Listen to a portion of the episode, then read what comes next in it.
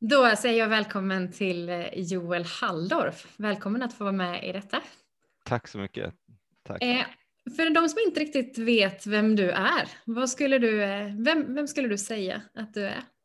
Nej, men jag är lärare. Det är mitt, eh, min främsta eh, yrkesidentitet och någonting som jag identifierar med liksom hela min person väldigt mycket med.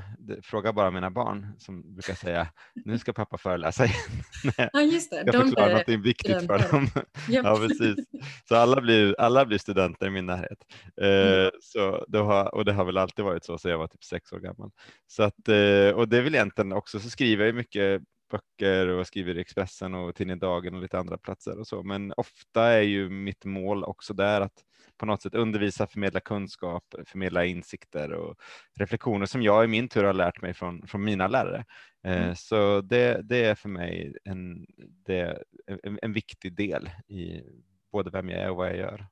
Just det. Och jag har ju fått ha dig som lärare. Bara Mm. det liksom. känns ju Precis. stort i det här sammanhanget. Precis, på, på EHS där jag är verksam dagligdags eller Te- Teologiska högskolan i Stockholm. Precis. Precis. Vi är, som kyrka är just nu inne i en, eh, eller har startat igång en gudstjänstserie på temat för en tid som denna. Och då så skulle vi få vilja göra en del sådana här intervjuer och Mm. du var ett av de namn som jag nästan först sa att eh, ja, men då vill vi ha med Joel. För jag tänker att du har skrivit och eh, ja, men haft, återkommit mycket till just vad är det för tid vi är i. Både Mm. i eh, det du har skrivit i, i olika tidningar och också i dina två senaste böcker tänker jag, kanske mer. Mm. Mm. Eh, vad, om du fick göra en, en analys liksom just nu och kanske då framförallt eh, om vi börjar i kopplingen till det här året som har gått med pandemin. Vad skulle du säga att vad, vad är den tid vi är i? Ja, precis. Pandemin är ju ett, eh, ett undantagstillstånd på många sätt som vi befinner oss i. Samtidigt är det också någonting som gör saker och ting så väldigt, väldigt tydliga för oss. Den, pandemin är en sanningssägare. Eh, man brukar också säga om pandemier rent historiskt att de, de accelererar pågående utvecklingar, alltså sånt som redan är på gång i samhället. Det fortsätter och ökar takten eh, i allt högre grad. Så om vi tar de två sakerna då, pandemin som sanningssägare och pandemin som accelerator, så, så ser vi ju att eh, pandemin har ju visat saker som vi har anat, att den svenska äldrevården eh, har stora brister och det är någonting som vi sett med hur sjukdomen har tagit sig in och så. Men det är också någonting som där, där, där jag tror att alltså, många av de trender som var lite synliga åren innan pandemin började. Vi talade om en fragmentisering av samhället, eh, att gemenskapen löstes upp, en ökande ensamhet, eh, en eh, filterbubblor på nätet, att alla sitter med sina egna kunskaper Mm. och där urväxer en polarisering, där frodas konspirationsteorier och så. Sånt här har vi pratat om i fem, tio år de senaste åren. Och nu kan vi se under det här senaste pandemiåret hur det har ökat verkligen dramatiskt. Och det här är någonting som vi inte riktigt talar om i samhället tycker jag. Vi talar mycket om vad betyder corona för sjukvården, vad betyder den för ekonomin, vad betyder den för resande framöver och sådana saker. Men vad betyder den för eh, ensamheten? Hur mycket kommer den öka när folk måste sluta sig mer och mer i sina, sina bubblor? Får inte smitta varandra av omsorg naturligtvis, men det är ändå någonting som förstärker en pågående trend. Vad betyder det för civilsamhället och gemenskaper, för församlingar? Eh, hur kommer det vara att starta om ordentligt, eh, om förhoppningsvis inom några månader efter ett år, sån Mm. här parentes. Och så, så där ser vi väldigt, pandemin säger väldigt mycket om oss själva och vårt samhälle eh, och blir på något sätt en tid av rannsakan tror jag. Mm. Och också får vi komma ihåg i detta att framtiden är inte ödesbestämd, utan här är det också fråga om hur, vilken framtid vill vi vara med och forma och bygga när det här väl ger vika eller vara med och bygga redan nu. Mm. Så tänker jag lite. Vad tänker du då att det har, liksom har gjort med, om man tänker just kyrka, församling? Jag tror att det har gjort två motsatta saker. Dels så för många av oss så har det blivit uppenbart om hur viktigt det här är och hur beroende av det vi är. Mm. Eh, att det liksom, gemenskapen, vi saknar gudstjänsten, vi saknar till och med de församlingsmedlemmar som vi kanske irriterar oss på lite till mans. Alltså det finns, det finns eh, liksom många saker vi kunde vara oense om tidigare, exakt hur musiken skulle låta, hur lång en predikan skulle vara och så där. Det känns irrelevant nu. Låt oss bara få mötas, låt oss bara få, få, få, få, få ses igen och få fira gudstjänst. Och det är verkligen någonting att ta vara på. Mm. Men sen finns det alltid då människor som kanske där liksom vi säger, den kyrkliga seden, alltså vanan har brutits eh, och de kanske har tagit upp andra vanor. Så det finns en del människor som nog riskerar att falla ifrån eh, på grund av det här. Eh, kanske för att församlingen inte, vi har inte riktigt haft förmåga att fånga upp dem eller ha kontakt med dem eller erbjuda dem ett kontinuerligt stöd och så. Så att det kommer vara en, en, liksom, en dubbelrörelse, både en väldigt stort engagemang eh, från en, en grupp, men också ett visst frånfall tror jag. Eh, mm. och, och här, får, här får också framtiden utvisa vilken kraft som blir starkast. För det är klart, starka engagemang kan ju också dra med sig många, för det är många idag som längtar efter gemenskap, mening, som har fått syn på världen som är större än det materiella, som ställer andliga och eviga frågor. Så är det ju under en pandemi. Absolut. Jag tänker vi ska komma in lite på det ännu mer, liksom det här vad som är eh, blicken framåt och också utifrån Ja, men, eh, du har varit inne på det bland annat i den kursen jag läst med dig, alltså just vad kyrkan har betytt i andra pandemier och vad man kan få mm. betyda framåt. Eh, men jag skulle också vilja koppla in lite det spåret som du har skrivit ganska mycket om, alltså det här en mer generell blick från var vi är i samhället idag. För jag mm. tänker att vi, vi som kyrka kanske framför allt, men, men också svenskar i helhet, tänker väldigt mycket att vi är ett sekulärt land och att det finns ingen liksom, eh, sätt att nå fram som kyrka. Och där har du skrivit ganska mycket mot det eller in mm. i det på något vis. Mm. Vad, vill du ta med oss lite i den tanken? Jo, men precis, speciellt om man har om man liksom är tillräckligt gammal så att man upplevde 1900-talet, då, då kan man ju minnas den här idén om att eh, Sverige var ett världens modernaste land och i det ingick också att vi var ett sekulärt land. Och det var det sekulära som var norm och det var det sekulära som var också på något sätt historiens riktning. Det var dit att vi var på väg. Vi skulle bli mer och mer sekulära ju mer och mer moderna vi blev. Ehm, och sen så börjar man globalt inse att det här var ingen naturlag. Alla länder och kulturer betedde sig inte så. Det gick att vara både modern och religiös. Det visade Brasilien och Korea och Indien och hela tiden USA egentligen under hela 1900-talet.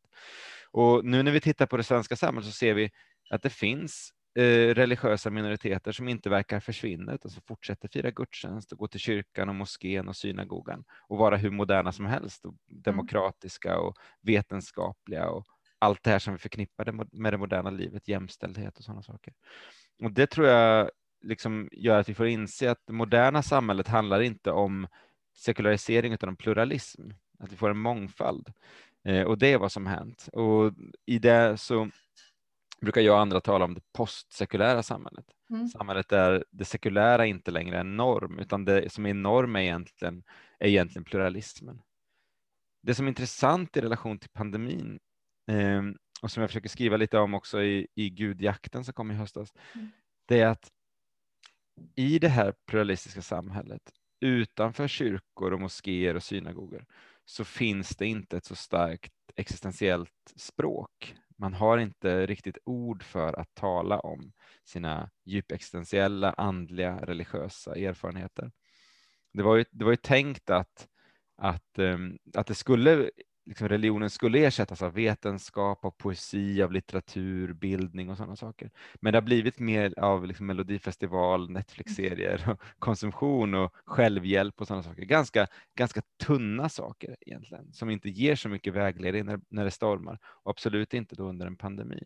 Ja, just det, som därför blir väldigt tydligt nu att vi inte har det. Ja, ja men exakt. För när jag tittar tillbaka på 2020 och även det här året så ser jag ganska få eh, exempel på människor som riktigt klarar av att sätta ord på vad det är vi går igenom som kultur, vad det här betyder, vad det här kan göra med oss, vad det här är för. Alltså jag hör många som talar om att det är svårigheter och lidande, som tycker att det, som talar om att det är grått och tråkigt och trist och så där. Det är ingen brist på sådana eh, beskrivningar och det kan vi känna igen oss i. Men jag skulle vilja ha, jag skulle vilja ha ett liksom lite djupare, lite större perspektiv i detta.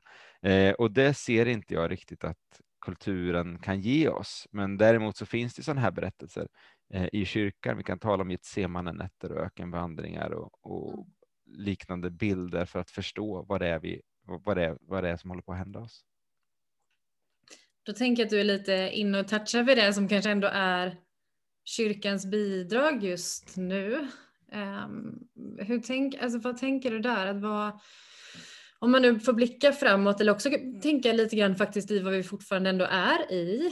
Eh, även om vi ja. längtar till att det här ska ta slut så är vi ju just nu fortfarande i det och vi kommer vara i en vår där vi fortfarande är i någon form av nedstängt samhälle. Liksom. Mm. Hur, vad är kyrkans uppdrag och vad, hur kan vi liksom vara kyrka just nu?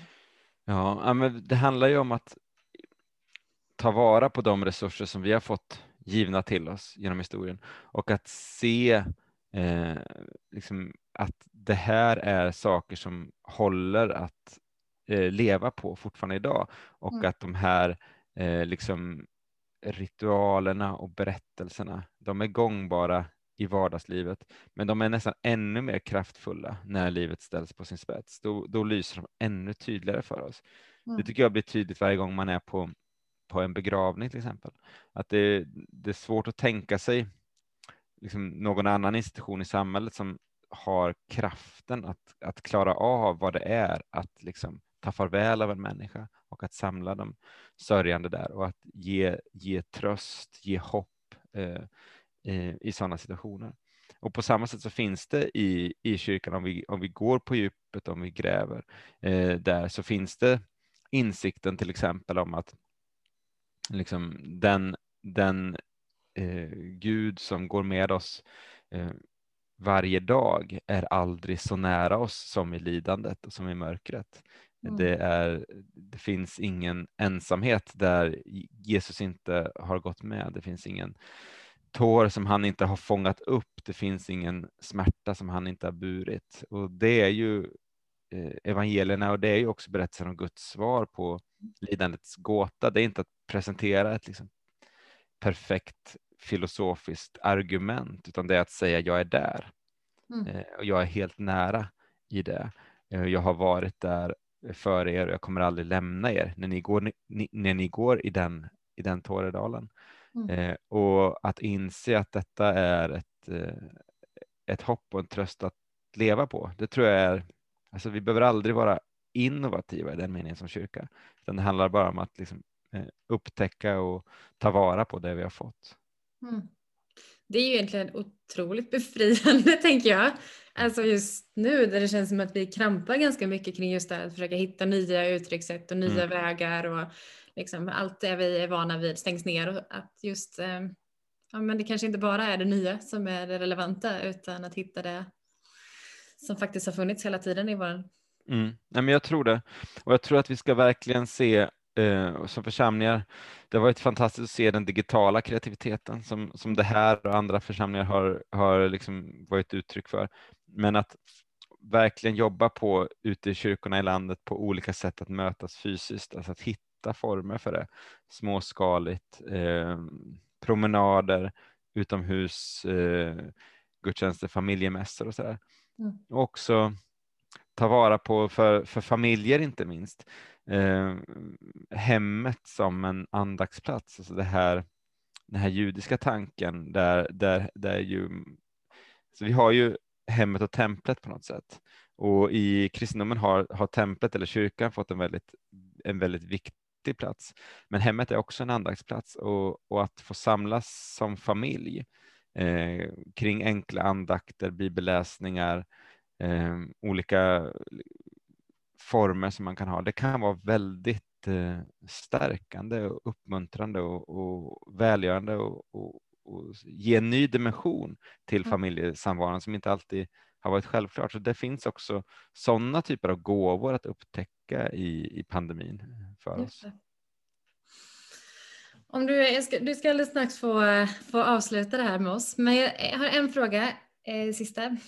Där jag tänker lite så här att finns det, om du liksom skulle tänka då lite vidare framåt när vi förhoppningsvis kan mötas lite mer normalt och sådär. Eh, och då just utifrån kontexten att vi faktiskt är i ett mer pluralistiskt samhälle och den bilden. Vad ser du liksom som, eh, om du skulle tänka liksom församlingen, de lokala församlingarna och kyrkan. Finns det liksom saker som vi ska sluta med? Finns det andra saker vi borde börja med? Alltså går det att göra någon sån eh, mm analys? Jag tror att eh, församlingar idag på många platser eh, be behöver titta, vi tittar ju, vi har ett historiskt minne, vilket jag som historiker tycker är positivt, men ibland blir det så att vi ser tillbaka på guldåldrar och tänker att ja, då var det fantastiskt, nu är det inte så mycket så. Att vända blicken utåt istället mot de samhällen där vi finns och se att det är väldigt mycket som har lösts upp av, av gemenskaper, eh, av, av samhällsbärande institutioner eh, och föreningar eh, de senaste 10, 20, 30 åren. Det kommer vara ännu mer som har lagts ner de senaste en, två åren, mm. samtidigt som, som behovet av det här är så stort. Så att gå vår omgivning till mötes, både som enskilda och församlingar, att bjuda in eh, och att vara generös både med våra lokaler, och våra resurser, fundera på vad vi vill, vad vi vill satsa på, hur vi vill vara med och bygga upp våra, våra samhälle och vår stad. Inte tänka att vi behöver liksom göra varje samling i evangelisationssyfte, utan ha tilltro till att närvaron, mötet, eh, gör någonting på sikt. Att ha tålamod på en typ av, ska vi kalla det evangelisation, som kan få ta 10, 20, 30 år. Mm. Eh, och bara säga att vi är med, vi är tillsammans med kommunpolitiker, tillsammans med föreningslivet, så, där, så är vi med och, och, och bygger här, den här staden, försöker liksom göra allt för att den här staden ska blomstra. Mm. Eh, det, det, tror jag är en, en, en någonting vi kan liksom både ge till våra, våra omgivning och också oss själva, för de kristna som regel, frikyrkliga i synnerhet, mår inte bra av att bara stänga dörren om sig och, mm. och sitta liksom själva. Vi, våran, våran spiritualitet är så mycket en händernas och fötternas spiritualitet. Eh, och vi måste få gå ut och gå vår omgivning till mötes, annars så känner vi oss Annars skaver det liksom i oss. Um, och nu så har vi fått sitta instängda mycket ett år och här hoppas jag att vi kan verkligen få, få gå ut och, och ta, och, och liksom ta oss an eh, vår omgivning och, och, både, både ge och få ta emot som det alltid är i de typerna av möten. Yes, det ser vi fram emot. Ja. Joel, stort, stort tack för att du eh, ville vara med i vår gudstjänst på det här viset. Eh, du ska få chans att få be en bön med oss och eh, om du vill få tala några ord från hjärtat till den som sitter hemma och eh, ser detta just nu. Så jag ska lämna skärmen till dig. Så. Varsågod. Det har varit en ett väldigt speciellt år och ett väldigt annorlunda tid för oss alla för oss som gemenskaper och för oss som enskilda. Vi kan inte veta nu och vi kommer inte kunna veta på en lång tid vad det här har betytt för oss och vad det har gjort med oss. Men ibland så kan det vara värt att tänka på sitt liv som i årstidernas form. Och det här har varit en väldigt, väldigt lång vinter, en period av avklädande, en period av att, få, att vara i träda, eh, en period där mycket har känts och sett väldigt dött ut. Men eh, när man talar med de som kan saker om naturen, de som kan saker om, om skog och mark och sådana saker, de, de påpekar ofta för oss att det är då eh, livet samlar kraft. Det är då saker och ting pågår djupt där inne, processer som inte är synliga för ögat, processer som vi inte kan Eh, se när vi går ut i, i naturen, men som pågår djupt, djupt under ytan. Eh, och ibland kan det vara så i våra egna liv också, att det pågår processer djupt, djupt, långt, långt ner, så att vi nästan inte märker det själva eller ser det eller hör det själva.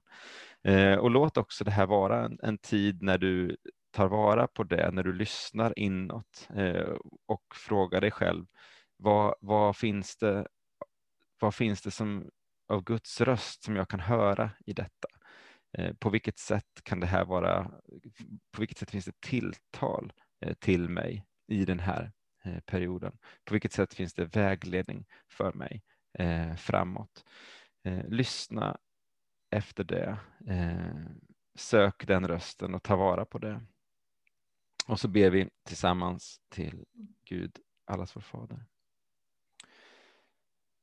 Himmelske Fader, du som leder oss varje dag i vårt liv, du som leder oss till forsande källor, du som leder oss till lugna vatten, du som leder oss också genom öknar och, i, och över trånga passager. Tack för att du är med oss nu som alltid. Tack för att vi alltid får gå vid din sida. Tack för att det inte finns någon dal som är så mörk att du inte har varit där. Det finns ingen himmel som kan kännas så tom som inte du har uppfyllt med hela din härlighet. Tack för att du alltid är med oss oavsett vad vi känner eller tänker så är du där och var med var och en i den här gudstjänsten, i den här församlingen. Välsigna och bevara dem nu och för alltid. Amen.